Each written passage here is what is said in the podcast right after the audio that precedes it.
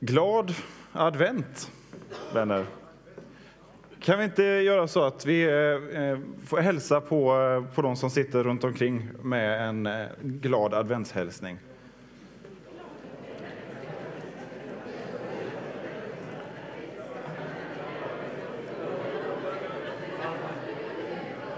Och när ni ändå är på det, så flytta fram lite. Det är lite ensamt här framme, så, så kom fram.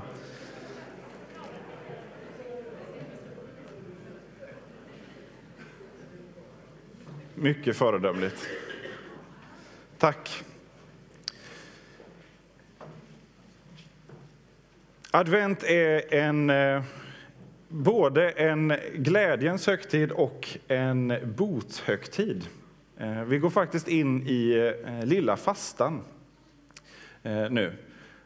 Och det kan man ju inte tro, så som vi kommer svulla glögg och pepparkakor och lussekatter och sånt där den närmsta tiden. Jag hade en eh, handledare en gång som höll väldigt hårt på fasteperioderna. Eh, varje eh, fasta inför påsk så kom han i sin kaftan igen, som han prästvigdes i för 30 år sedan, tack vare fastan, bland annat. Men adventsfastan, den fick han ge upp för alla hembesök som han gjorde under adventstiden med fika som var förberett och sådär på fastande mage blev inte bra. Men det är faktiskt så att vi har en tid nu inför jul som, eh, som vi får förbereda oss för det som kommer. Eh, och det är både med stor glädje och förväntan, men också med ett allvar och en rannsakan. Vi väntar på den konung som, som är utlovad. Eh, hans ankomst, hans advent. Och vi har fått både sjunga om och vi har fått höra löftena om den här konungen som skulle komma. Och vi fick också höra nu om eh, det tillfälle då eh, han red in i Jerusalem och möttes som den utlovade konungen. Eh, och vi ska också få nu under adventstiden ta fasta på några av de här löftena som fick uttalas över Jesus flera hundra år innan han kom. Jesaja en annan profet i Gamla testamentet som är flitigt citerad i Nya testamentet, i evangelierna som får många olika tilltal från Herren om vem den här är som ska komma och rädda, inte bara eh, Guds folk, utan faktiskt hela världen. Jesaja får ta emot eh, flera sådana budskap från Herren och eh, ett av dem ska vi läsa eh, här. Vi har nu under eh, adventstiden, varje eh, söndag i advent är en liten bit av en vers i det här budskapet som talar om vem den här är som kommer. Och våra söndagar har namn från 1917 års bibelöversättning. Så är det när man går in i en traditionstyngd högtid. Men vi läser från folkbibeln idag.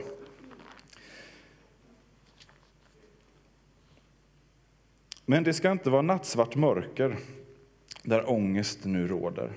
I gången tid lät han Sebulons och Naftalis land vara föraktat, men i kommande dagar ska han ge ära åt trakten ut med havsvägen, landet på andra sidan Jordan, hedna folkens Galileen. Det folk som vandrar i mörkret ska se ett stort ljus. Över dem som bor i dödsgungans dal, i dödsgungans land ska ljuset stråla fram. Det folk som du inte givit stor glädje låter du bli talrikt. De ska glädja sig inför dig så som man gläds under skördetiden, så som man fröjdar sig när man delar byte. Till deras bördors ok, deras skuldrors gissel och deras plågade stav bryter du sönder liksom i midjans tid. Ja, varje stövel, buren under stridslarm och varje mantel vältrad i blod ska brännas upp och förtäras av eld. Ty ett barn blir oss fött. En son blir oss given. På hans axlar vilar herradömet och hans namn är under, rådgivare, mäktig Gud, evig fader, fridsfurste. Så skall herradömet bli stort och friden utan slut över Davids tron och hans kungarike. Det ska befästas och stödjas med rätt och rättfärdighet från nu och till evig tid. Herren Sebaots nitälskan ska göra detta.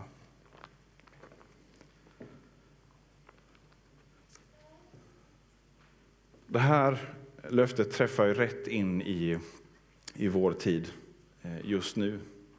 Eh, jag vet inte hur många jag har hört klaga på eh, novembermörkret. Mörkret som har sänkt sig över. Jag vet inte hur många månader det har varit så mycket svårare att ta sig upp Eh, där tröttheten har eh, hängt kvar otroligt länge.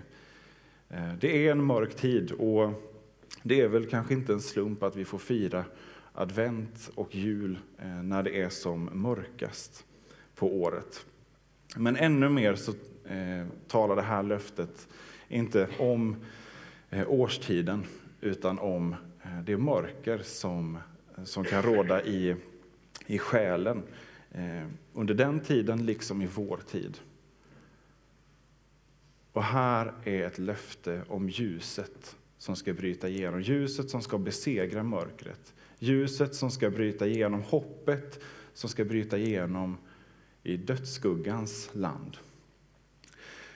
Matteus, som har skrivit ett av evangelierna, berättelsen om Jesus i Nya Testamentet, eh, han tar fasta på de här verserna när han ska beskriva vad är det som händer nu när Jesus börjar sin verksamhet. Så när Jesus går ut som eh, eh mogen 30-åring och eh, börjar vandra runt om i norra Israel, Eh, då är det de här verserna som Matteus använder för att visa vad det är som händer. Men det börjar ju redan innan. Det skulle kunna vara så att Jesus blir sänd eh, på ett övernaturligt sätt, eh, som en ängel stiger ner och börjar sin verksamhet eh, 30 år gammal. Men så är det inte utan han föds. Ett barn blir oss fött, en son blir oss given. Det här är julens mysterium och det som löftena och profetiorna har talat om och som när de står för sig själva kanske inte är så, eh, så märkvärdiga. Men när vi ser vad som händer, Gud själv har blivit människa. Gud själv har blivit människa. Och när Maria får eh, ta emot budskapet om att hon är den som ska få föda det här barnet, eh, så får hon också veta, eh, hon och Josef, att Eh, den här personen ska få heta Jesus. Ett av eh, de mest kända eh, namnen som finns över stora delar av världen. Det finns fortfarande områden som inte känner till det namnet. Det är därför vi behövs som kyrka. Men det är ett namn som har förändrat världshistorien. Jesus, Herren räddar, betyder det. I honom så blir det här löftet uppfyllt. Hur Gud räddar vår värld. Och kärt barn har många namn, säger man ju. Och så är det också med, eh, med det här barnet. Eh, på flera andra ställen så är det många andra namn som, eh, som används. Och här så får vi fyra eller fem namn på raken beroende på hur man räknar. Och det är inte, tanken med de här namnen är inte att man ska få så, eh, så mycket eh, utrymme som möjligt att fylla ut när man ska signera viktiga papper, utan det här är namn på den här tiden har betydelse. Det har ju våra namn idag också, men vi tänker kanske inte på det så mycket. Eh, idag så väljer vi namn utifrån hur de låter, passar det bra ihop med mammas och pappas namn, efternamnet. På den här tiden, i Bibelns värld, så är namnen fyllda med mening. Eh, och att få ett namn över sig är inte nödvändigtvis så att det är det du heter och blir tilltalad som, utan det är den som du är. Också därför folk får nya namn vid så många tillfällen när Gud har förändrat något hos dem, för nu är de någonting annat. Och här får vi namn på den som, eh, som är väntad, den som är lovad. Och några av de här, de här namnen ska vi få, få dyka in i nu. Eh, och det första, underbar i råd. I 1917 års översättning. Det klingar ju fint, underbar i råd, men vad betyder det? Eh, under eh, rådgivare står det bokstavligen. Ibland uttryckt som två namn, ibland som underbar rådgivare. Och Eh, kanske man skulle kunna säga att det är en, en råd, ett, ett under till rådgivare. Om ni är med mig. Alltså underbar blir ibland lite, lite fattigt. Vi kan säga att det var en underbar kaka det här. Men vad betyder underbar? Under, som mirakel eller tecken, alltså någonting som är övernaturligt, som, är, som inte är av den här världen. Det är en sån sorts rådgivare som den här är som, som ska rädda världen. Ett under till rådgivare. Jag vet inte om du har några rådgivare i ditt liv. Det har du säkert. Frågan är om du vet om de är dina rådgivare eller om de vet om att de är dina rådgivare. Det är ett eh, ord vi kanske inte använder så, eh, så jättemycket. Eh, om man tänker på rådgivare, jag får genast upp bilder i, från eh, filmer som utspelar sig på medeltiden. Typ, och så är det en eh, kung som har rådgivare runt omkring sig. Eh, den första jag kommer att tänka på var kung Theoden i eh, Sagan om ringen. Han har en rådgivare som heter Ormtunga. Eh, och ett ganska beskrivande namn eh, på honom. Han talar verkligen med kluven tunga. Och den andra jag kommer att tänka på var Sir Väs i den tecknade Robin Hood-filmen. Sir Johns, eh, prins Johns eh, rådgivare. Eh, det var de två första jag kom att tänka på. Och sen ja just det, det är ormtunga och så har vi Sir som en orm.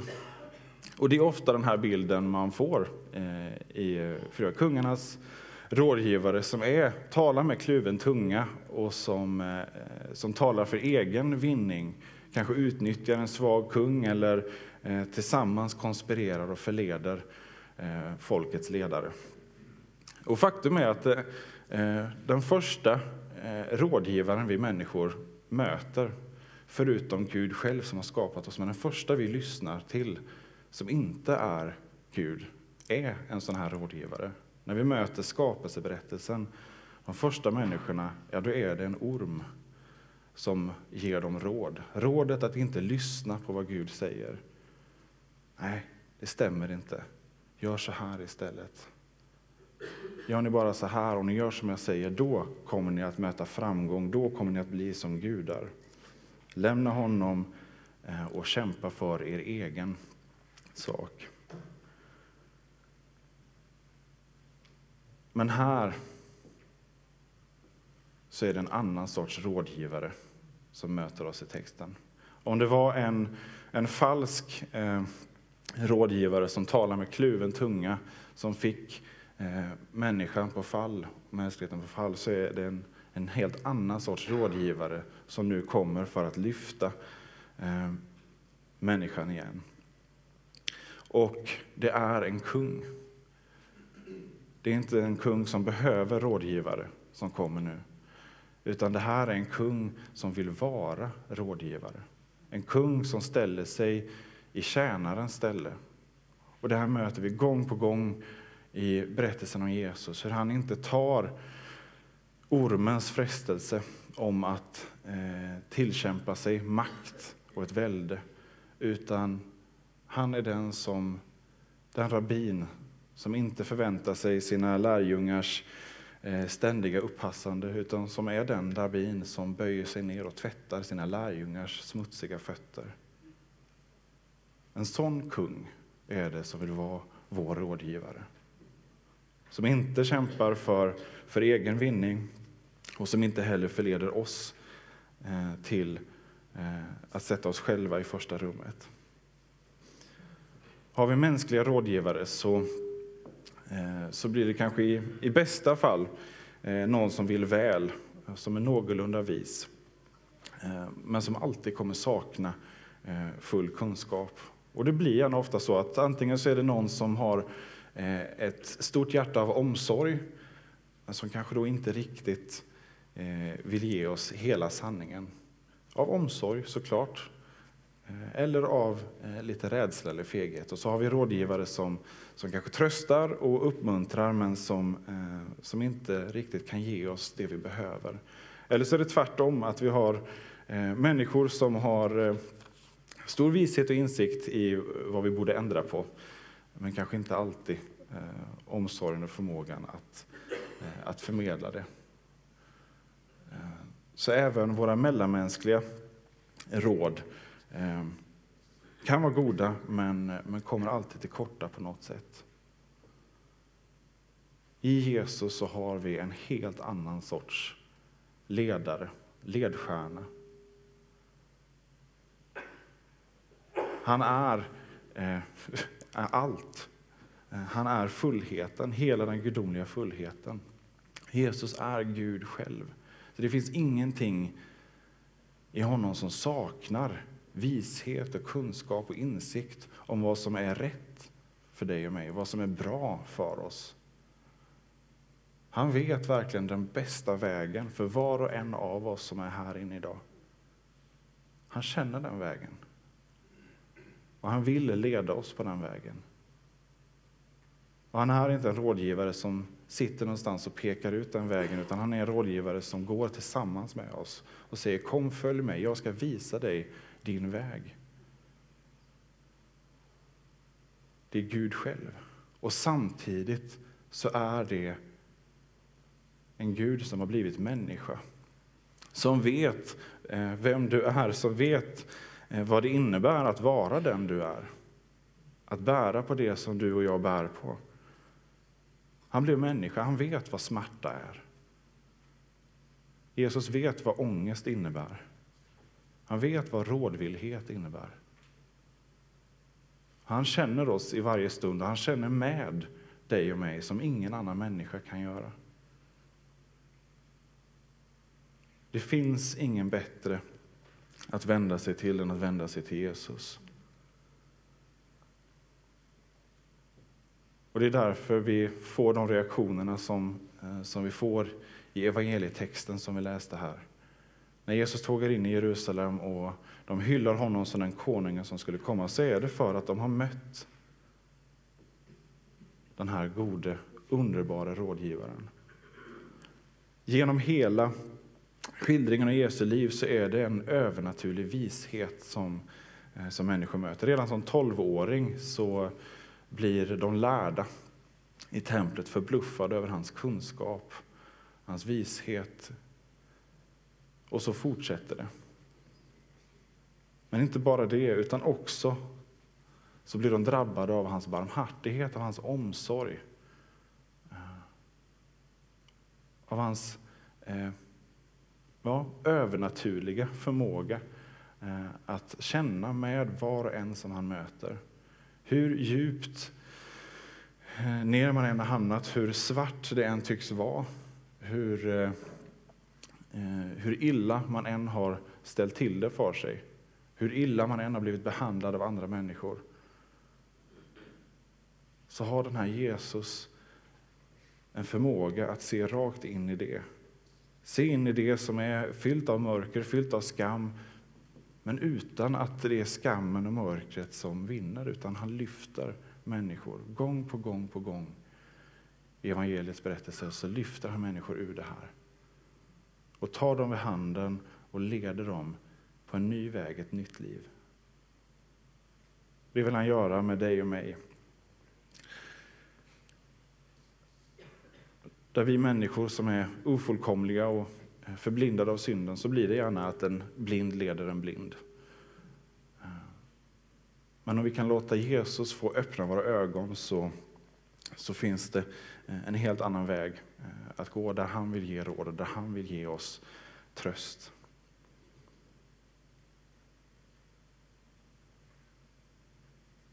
Den Gud som har skapat människan och som själv blev människa vill leda oss, vanliga enkla människor. Och han gör det också genom oss. Så en, eh, en utmaning för oss här i adventstiden, eh, att få, få ta fasta på det här. Det är rätt mycket annat som snurrar den här tiden, jag vet det. Men stanna upp. Eh, fundera på var, är, var behöver du ledning? Var snurrar det som mest just nu? Och sök den ledningen, sök det rådet hos Herren själv. Det är så många eh, människor, så många källor, eh, trender och företeelser som vill vara våra rådgivare, som vill tala om för oss vad den bästa vägen är. Men stanna upp och låt det här få vara fastedelen av adventstiden, om vi nu inte kan undvika glöggen. Så låt oss fasta från dåliga rådgivare. Och stanna upp och fråga Jesus, vad behöver jag din ledning just nu? Eh, och det kanske är fullkomligt klart för några av oss, och då är det bara bönen Jesus, led mig igenom det här. Och så får vi se att det sätt han gör det på ganska ofta är genom andra eh, ofullkomliga människor, eh, men som har fått Eh, nåden och bördan eh, att få vägleda oss. Så får vi leda varandra. Så det är också en del av uppmaningen Helt plötsligt så är det kanske du som hamnar som Guds verktyg, eh, att vara någon annans rådgivare. Och det är vi inte rådgivare för egen vinning åt varandra, utan vi är det för, för Guds skull, för den människas skull som vi möter. Låter vi Jesus själv vara i centrum och låter han vara den som leder oss eh, och leder varandra så har vi den bästa förberedelsen vi kan ha. Eh, både inför julen, eh, men framförallt inför det nya år som väntar, de situationer som vi står i. Vi ska alldeles strax få, få fortsätta sjunga lovsång och be. Och, är det någon här inne som, som är väldigt tydligt för dig att jag har haft dåliga eh, rådgivare, Eh, jag har haft eh, personer och saker som har eh, lett mig fel, så är en hälsning till dig att det finns befrielse från det. Eh, vi har förebedjare som, som jättegärna ber för dig idag. Och de situationer man har hamnat i för att andra har lett en fel eller för att man har tagit fel vägar, är, det är inte kört. Det är för dig som det här löftet eh, är, speciellt idag. Eh, så ta chansen till, eh, till att gå till några av våra förebedjare och få, få bli buren fram till vår kung som är underbar i sin rådgivning.